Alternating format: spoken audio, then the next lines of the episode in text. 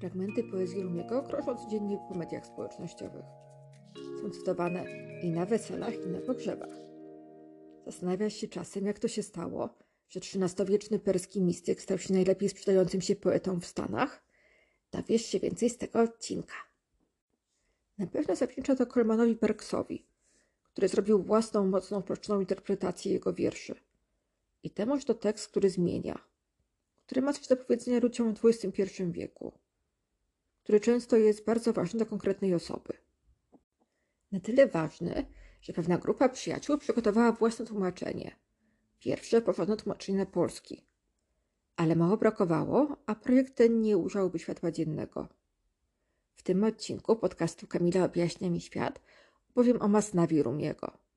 Nie tylko o sufizmie, ale będzie też o dowcipach medresowych, o tym jak byłam kiedyś w medresie na wycieczce w Uzbekistanie – i mam dla Was naprawdę super rzecz na koniec. E, to będzie taka pocztówka dźwiękowa na wypasie. Dwa fragmenty audiobooka Masnawi. To będzie poważna pieśń fletu i coś dla fanów tatuaży, czyli trochę mniej poważna opowieść o Kazwińczyku. Dziękuję, że słuchasz i że udostępniasz odcinki podcastu Kamila Objaśnia mi świat.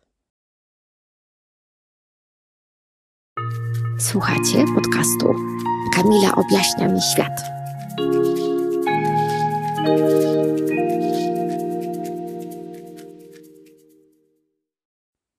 Kojarzysz Rumiego, prawda?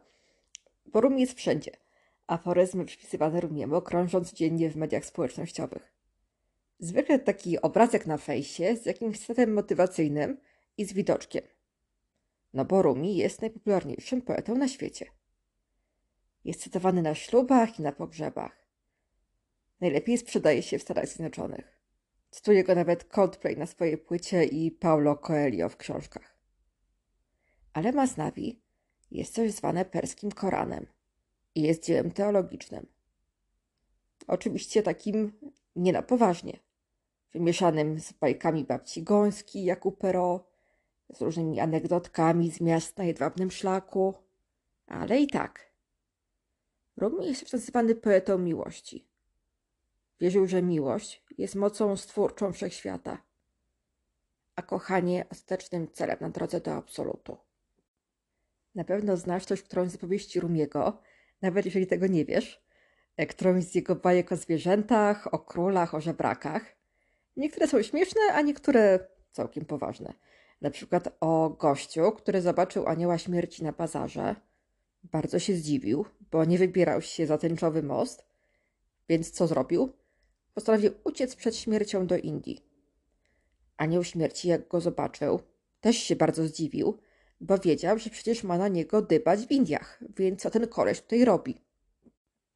Nawet jeżeli nie słyszałeś o ich autorze, albo nie znasz jego nazwiska, to na pewno kojarzysz jakieś jego złote myśli. Na przykład y, musisz łamać swoje serce, dopóki się nie otworzy na oścież. Nie? E, to może to coś, co było w piosence Coldplay. Czyli, że e, człowiek to taki pensjonat, każdego ranka nowy przyjezdny. Radość, depresja, podłość, chwilowa świadomość pojawia się jak nieoczywisty gość. Albo nie jesteś kroplą w oceanie, jesteś całym oceanem zawartym w kropli. E, też lubię takie, taki cytat. Jeśli drażni cię każde potarcie, to jak zamierzasz się oszlifować? Albo e, w każdej chwili wykuwam swój los, jestem stolarzem własnej duszy. Możliwe, że nie stolarzem, tylko jakimś innym gościem z dłutem. E, no właśnie. E, z tymi cytatami jest pewien problem, bo nie za bardzo są zgodne z oryginałem. I chyba chodzi zarówno o ducha, jak i literę, niż bym była specjalistą od języka perskiego. Ale tak naprawdę dopiero teraz możemy przeczytać pełne tłumaczenia. Bo to, co było wcześniej, to po pierwsze było tłumaczenie z angielskiego, e, a po drugie to było tłumaczenie na polski z angielskiego różnych wyrwanych z kontekstu i zmienionych fragmentów. E, I naprawdę był taki bardzo mocny efekt Lost in Translation. Dlatego jak ktoś lubi Rumiego, to można się cieszyć, bo teraz przed świętami ukazało się pierwsze polskie pełne tłumaczenie Masnawi, czyli tego największego dzieła Rumiego, to licząca ponad 600 stron księga e, w przykładzie Alberta Kwiatkowskiego. towarzyszy jej płyta z fragmentami czytanymi przez tłumacza i przez reżyserkę płyty. Idźcie i kupujcie, bo cena książki i płyty jest bardzo korzystna, e, zwłaszcza biorąc pod uwagę stosunek nakładu pracy i czasu, który został włożony w to wydanie. Jeżeli nie macie jeszcze tej książki i płyty, to na koniec tej audycji wrzucę Wam dwa fragmenty. E, dzięki uprzejmości wydawnictwa e, będzie to słynna pieśń fletu, od której się zaczyna Masnawi, e, i dużo mniej poważna opowieść o dziarach, w sensie o tatuażach. Bo Masnawi jest właśnie takie. Czasem śmieszne, czasem poważne, czasem słońce, czasem deszcz. Masnawi to zbiór bajek, fragmentów z Koranu, wierszy innych poetów, ale też przede wszystkim takich przypowieści z komentarzem. Trochę tak jak w Biblii, czyli każda historia ma jakiś fragment, który pomaga w zrozumieniu, o co naprawdę chodzi. W końcu metafora jest mostem prowadzącym ku prawdzie. A ten świat jest metaforą innego, wyższego świata. Lubię Masnawi, bo lubię opowieści szkatułkowe, takie jak rękopis znaleziony w Saragoście. Chociaż tutaj nie ma tej opowieści ramowej, więc trochę jest trudniej, bo nie ma czegoś, co by spinało całość. Po prostu są to różne opowieści e, i dygresje do tych opowieści, dygresje do dygresji. Nic tutaj nie ogranicza Rumiego oprócz jego olbrzymiej wyobraźni. To modlitwa, która nie może zostać niewysłuchana, gdyż jest ona modlitwą za wszystkie gatunki stworzeń.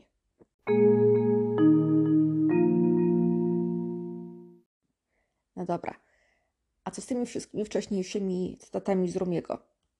Tymi wszystkimi złotymi myślami typu nie smuć się, wszystko co tracisz powróci do ciebie w innej formie. No więc część z nich to jest naprawdę coś, co powiedział Rumi, ale część to są takie cytaty z czapy. Na przykład jest taki niby Rumi, który jest cytowany przez Deepaka Choprę. Coś typu nie szufladkuj mnie, bo jak mnie wsadzisz do pudełka, to stanie się moją trumną. Albo twoją. E, wszystko jedno, bo to fejkowy cytat. Nic takiego nie zostało napisane. Natomiast pozostałe fragmenty e, to interpretacje, nawet nie tłumaczenia. Pochodzą one od Colmana Barksa. A potem e, to wszystko zostało jeszcze raz przetłumaczone na polski. Więc tak naprawdę z tym oryginałem to może nie mieć dużo wspólnego. Ale właśnie to te fragmenty wybrane przez Colmana Barksa są tak szeroko udostępniane w internecie są recytowane na ślubach, to one sprawiły, że Rumi to najpopularniejszy poeta na świecie. Ten amerykański Rumi, którego ludzie znają i kochają, dobrze brzmi w języku angielskim, ale ceną, jaką za to płacisz, jest odcięcie od kontekstu, przede wszystkim od religii. I to, że wersja Barksa była często ucięta w połowie, no bo too long didn't read. Właśnie dlatego wydanie Masnawi w przekładzie Alberta Kwiatkowskiego jest wydarzeniem w kulturze polskiej porównywalnym do pierwszego przekładu Iliady. Wreszcie mamy ten prawdziwy tekst. Trzeba przyznać Barksowi, że znacznie poszerzył krąg czytelników Rumiego. Nawet nie był tłumaczem, był interpretatorem. On w ogóle nie znał języka oryginału. Barks wziął XIX-wieczne przekłady na angielski i zamienił je na amerykańską poezję. Po prostu przepisał swoimi słowami to, co tam było napisane tak żeby wyciąć wszystkie trudne czy kontrowersyjne tematy i uwolnić tekst z kratki, czyli przełożyć to wszystko na amerykański wolny wiersz. Po polsku to była prawie proza, natomiast to nowe tłumaczenie, które możesz przeczytać, to jest szesnastozgłoskowiec. E, to tłumaczenie nie jest jakieś upraszczające, czy jak to się obrazowo mówi, zmieniające światło. Po prostu to, co było w oryginale, wreszcie możemy przeczytać po polsku. I jeszcze raz, nie jest tak, że te wersje wcześniejsze były całkiem złe, e, tylko po prostu, no mam, na przykład mam teraz w ręku e, tą amerykańską wersję Essential Rumi e, i mam Masnavi. Naprawdę trudno właściwie porównać te książki, to w ogóle nie jest to samo. Też jest tak, że Rumi sam zmieniał staty z Koranu po to, żeby mu pasowały do rytmu wiersza, więc nie o to chodzi, że nie możemy nic zmienić, ale Barks poucinał wszystko, co miało związek z religią czy kulturą nosił razy kilka, e, więc potem to samo się stało z tymi wszystkimi pseudocytatami, czyli ktoś po prostu wziął ten tekst Barksa i tam jeszcze to sobie przerobił, żeby mu pasowało do obrazka na fejsie. E, I też jest sporo osób, które ma jakieś tam pseudocytaty z Rumiego i po prostu mówi, że e, te cytaty są w stylu, albo że zapisywał cytaty z Rumiego przez lata, nie pamięta z jakich konkretnie tekstów pochodzą. No i Bach, tutaj jakiś cytat z dupy.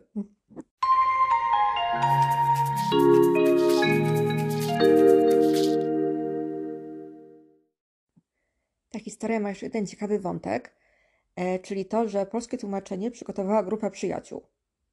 Taki ruch oddolny. Bardzo mało brakowało, żeby ten projekt się nigdy nie ukazał. Ale byli to ludzie prawi o dobrym sercu i dostali impuls, że świat potrzebuje tego dzieła. Zaczęło się od Andrzeja Saramowicza. To taki dyżurny polski sufi, założyciel fundacji Sufich imienia Rumiego. Jest nauczycielem medytacji, który wierzy, że sufizm i wschodnie medytacje są drogą jak najbardziej odpowiednią dla ludzi zachodu. To on zdobył pierwsze dofinansowanie i namówił Alberta Kwiatkowskiego, tłumacza literatury perskiej i autora strony literatura.perska.com. E, nie jest to jakieś pierwsze lepsze tłumaczenie. Albert Kwiatkowski tłumaczy przez nas to z głoskowcem rymowanym. Nie jest to jakiś hop -siup. W tym Dream Teamie jest też Błażej Gałkowski, redaktor, i Monika Wyżykowska, reżyserka audiobooka z wydawnictwa Imprint Media. E, to ona opowiedziała mi o tym projekcie i zgodziła się na wykorzystanie fragmentów płyty. Więc posłuchajcie do końca, bo w tym tygodniu pocztówka dźwiękowa jest na wypasie. W projekcie są też melodie Tomasza Podgórskiego i jego ziomków z Iranu i ilustracje Charlie Bajki, która tworzy murale i okładki płyt. Te bardzo piękne obrazki, e, trochę w takim nurcie sztuki naiwnej, e, trochę nawiązujące do przełomu wieków, taka poezja w formie obrazów. W każdym razie ta ekipa planowała, żeby wydać sześć tomów w dwa lata, e, ale wyszło im bardziej dwa tomy w sześć lat i to do końca nie było wiadomo, czy się uda, bo to tekst, który zmienia.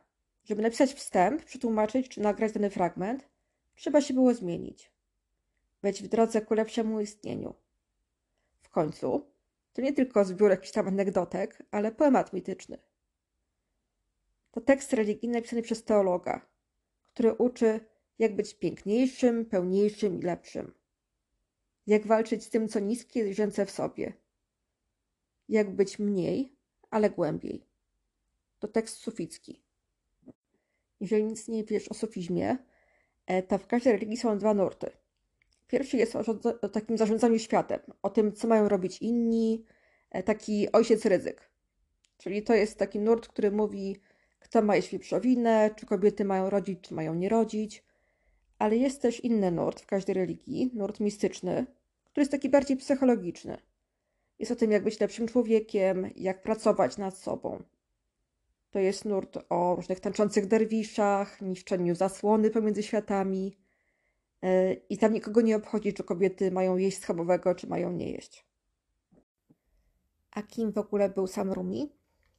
Więc nazywał się Jalaluddin Rumi. Żył w XIII wieku, był poetą mistycznym. Urodził się na terenie dzisiejszego Afganistanu. Mieszkał w tureckiej Anatolii, pisał po persku. W latach 70. stał się najpopularniejszym poetą świata za sprawą interpretacji Colmana Barksa ale był też teologiem islamskim i założycielem Bractwa Wirujących Derwiszy. E, to imię Jalaluddin chyba czasem tłumaczy się na polski jako Saladyn, a Rumi miał też syna, który nazywał się Alladyn, więc w ogóle bajka. Miał też przyjaciela, wędrownego derwisza z Tabryzu, który wywarł olbrzymi wpływ na jego twórczość. Nazywał się Shams i sprawił, że z takiego suchego teologa stał się rozmiłowanym w muzyce mistykiem i tęczącym poetą. Charakter tej przyjaźni jest przedmiotem wielu dyskusji. E, no wiecie, takie były czasy. E, uczniowie Rumiego w tym czasie czuli się zaniedbywani i zazdrośni. E, dopilnowali, żeby Szam zniknął. No prawdopodobnie go zamordowano. W każdym razie Rumi szukał swojego przyjaciela, ale w końcu pogodził się ze stratą. Doszedł do wniosku, że po co ma szukać, skoro jest tym samym, co jego ukochany. Więc po co szukać samego siebie?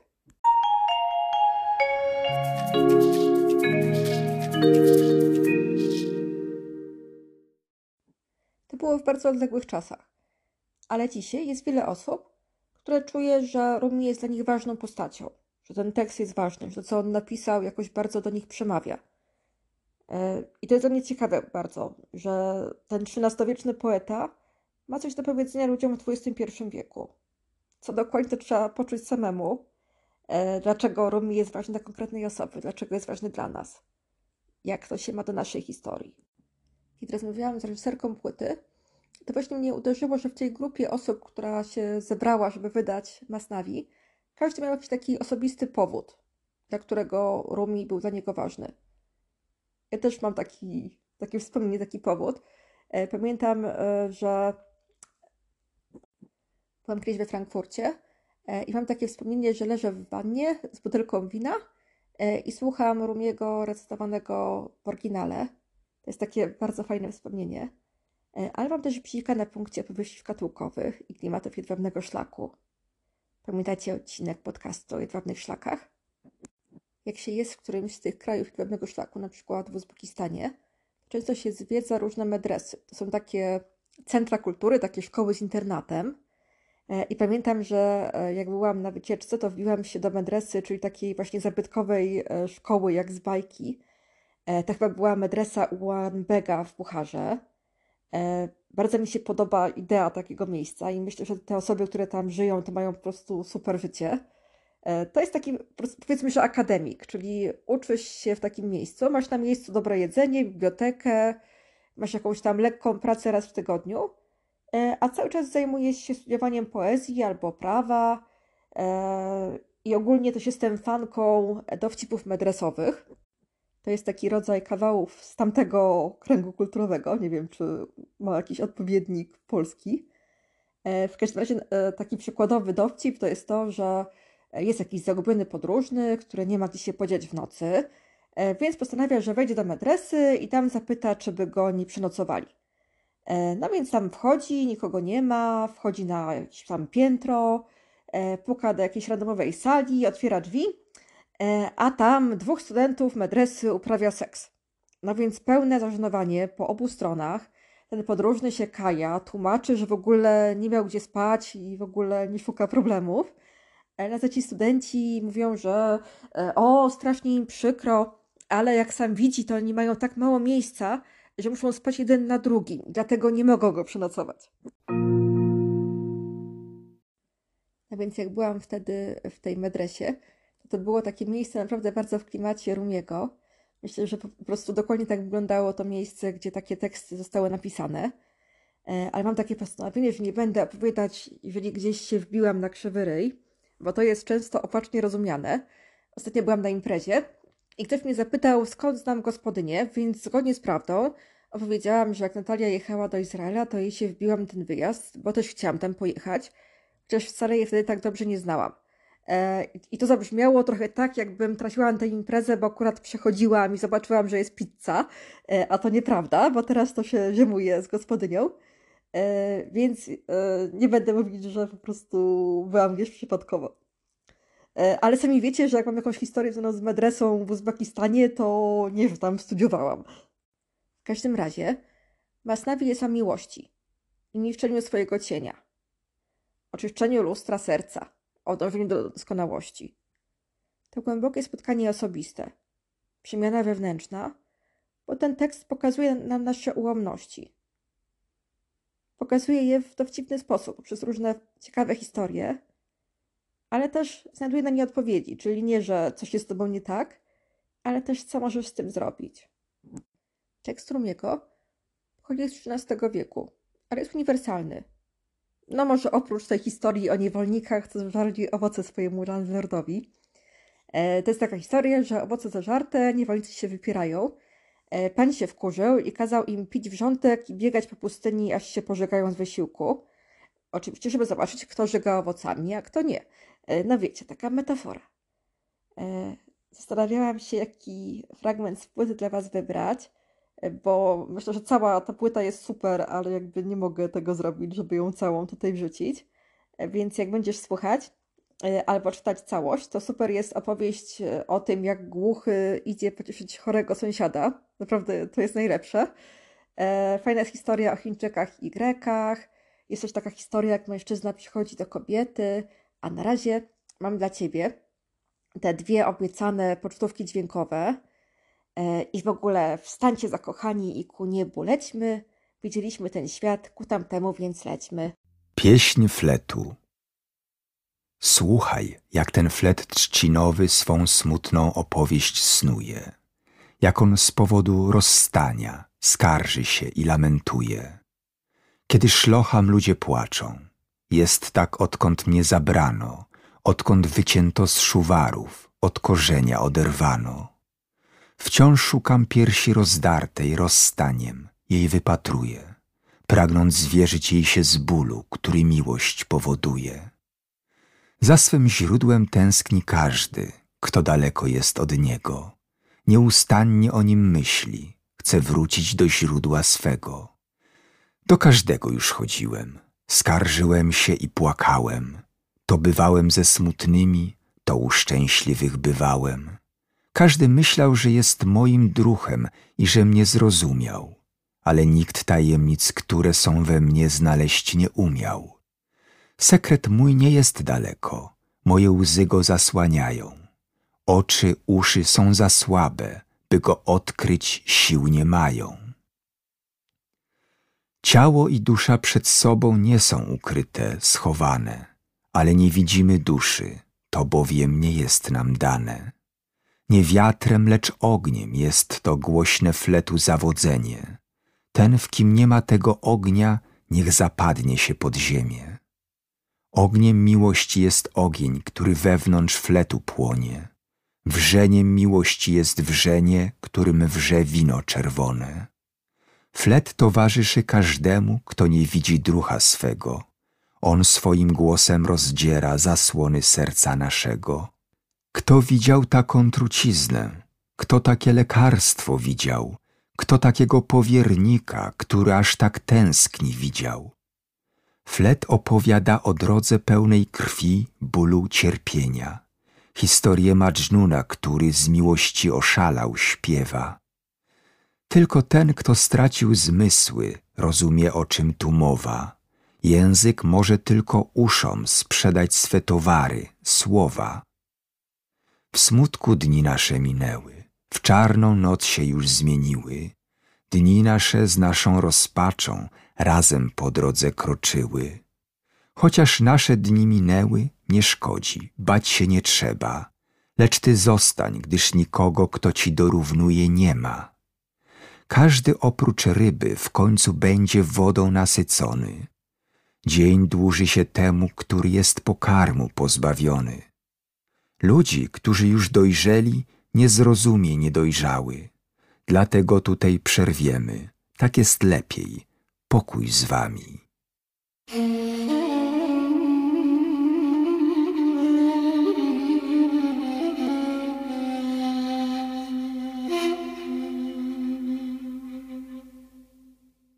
Synu, zerwij więzy, które tak mocno cię skrępowały. Nie pozwól, aby cię dłużej srebro, złoto zniewalały.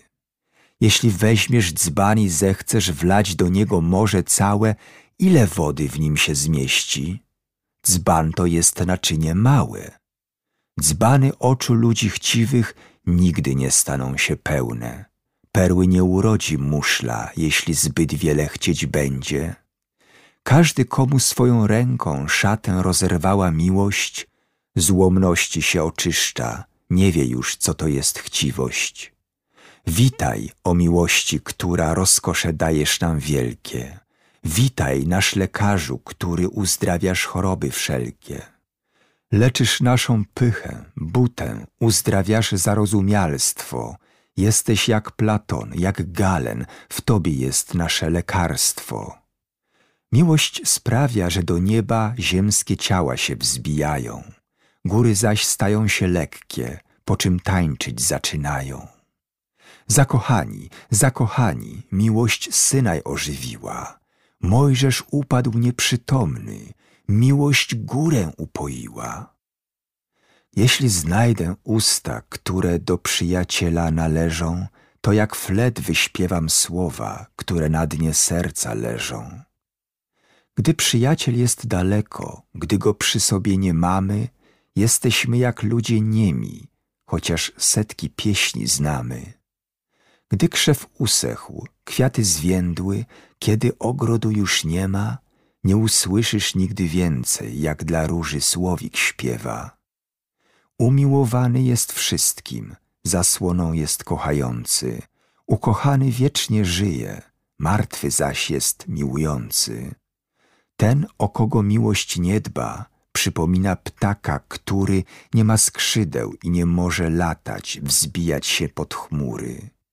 Jeśli przyjaciel swym światłem mego serca nie oświeci, jak mam znaleźć drogę w mroku, skoro wokół nic nie świeci?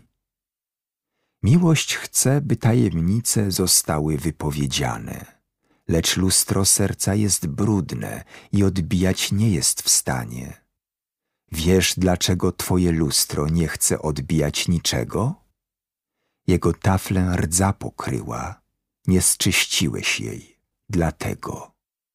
Opowieść o Kazwinczyku, który postanowił wytatuować sobie na łopatce lwa, lecz ból, jaki powodowała igła, sprawił, że pożałował swojej decyzji.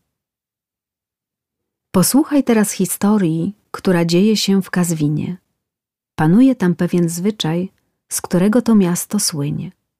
Kazwińczycy swoje ciała często tatuażem zdobią, igłą nakłuwają skórę, lecz krzywdy sobie nie robią. Jeden z nich do Cyrulika udał się właśnie w tym celu. Zrób mi tatuaż, poprosił. Bądź tak dobry, przyjacielu. Co mam ci wytatuować? Powiedz mi to, bohaterze. Odparł. Lwa. Niechaj tatuaż przedstawia to groźne zwierzę. Lew to mój ascendent, zatem wytatuuj lwa strasznego. Przyłóż się do niego dobrze i nie żałuj niebieskiego. Zapytał. Gdzie mam go zrobić? Gdzie tatuaż życzysz sobie? Na łopatce, odparł.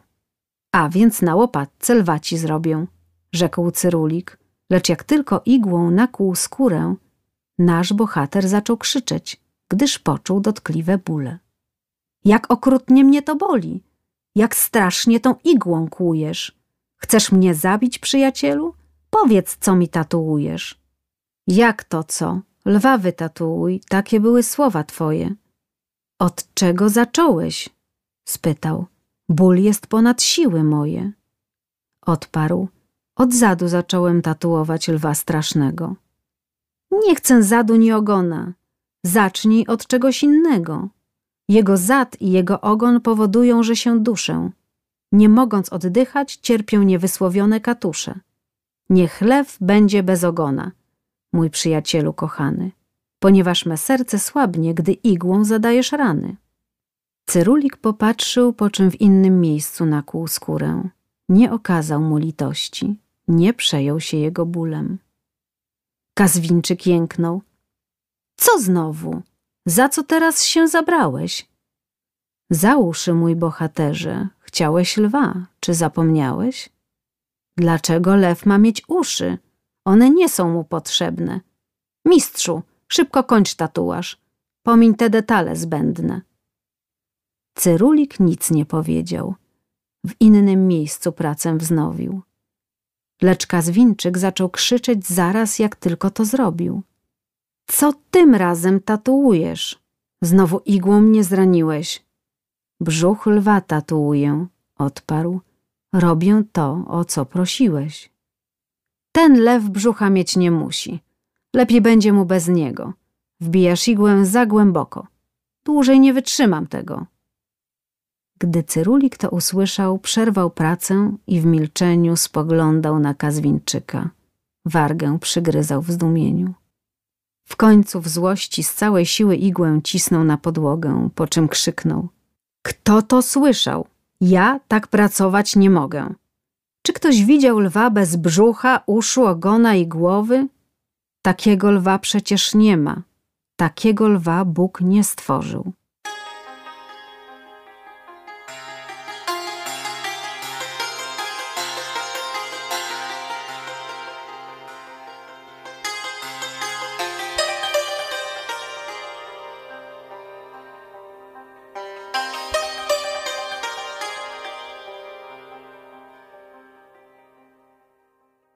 Jeśli wytrzymasz ból igły, uwolnisz się od cierpienia.